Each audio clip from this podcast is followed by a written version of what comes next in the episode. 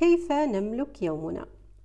إن أيامنا القيمة تمثل مصغرا لحياتنا الثمينة فالتحسينات اليومية التي تبدو غير مهمة حينما تتم بصورة مستمرة تحقق نتائج مبهرة فلتكن هذه التحسينات بنسبة واحد بالمئة فقط من التغيرات التي نفعلها على نحو مستمر يوميا واحد بالمئة يوميا لمدة شهر كفيلة أن تصنع تغيرا بمقدار ثلاثين بالمئة في الشهر وبالتالي 365 بالمئة من التغير في العام.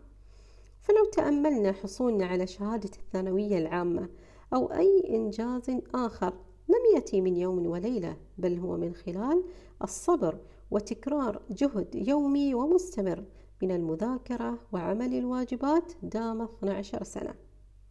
واحد بالمئة من التحسينات قد تكون في مجالات مختلفة كمجال الصحة أو مجال العلاقات الاجتماعية أو الثقافية أو الروحانية وغيرها الكثير. إذا قمنا بحساب واحد بالمئة من ساعات يومنا الأربع وعشرين ساعة وهي الألف وأربعمية وأربعين دقيقة سوف نحصل على ربع ساعة تقريبا. إذا واحد بالمئة تكافئ ربع ساعة. دعونا نسقط هذا المفهوم ونستغله مع أبنائنا. فكرة إعداد طفل قارئ.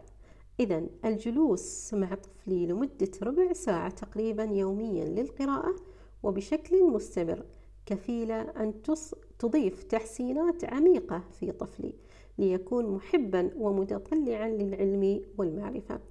أو قد نستغل الربع ساعة لتعزيز عادة إيجابية في أطفالنا كالرياضة أو اللعب مع طفلي بدون مشتتات إلكترونية. إذا واحد بالمئة يوميا كفيلة أن تصنع المعجزات.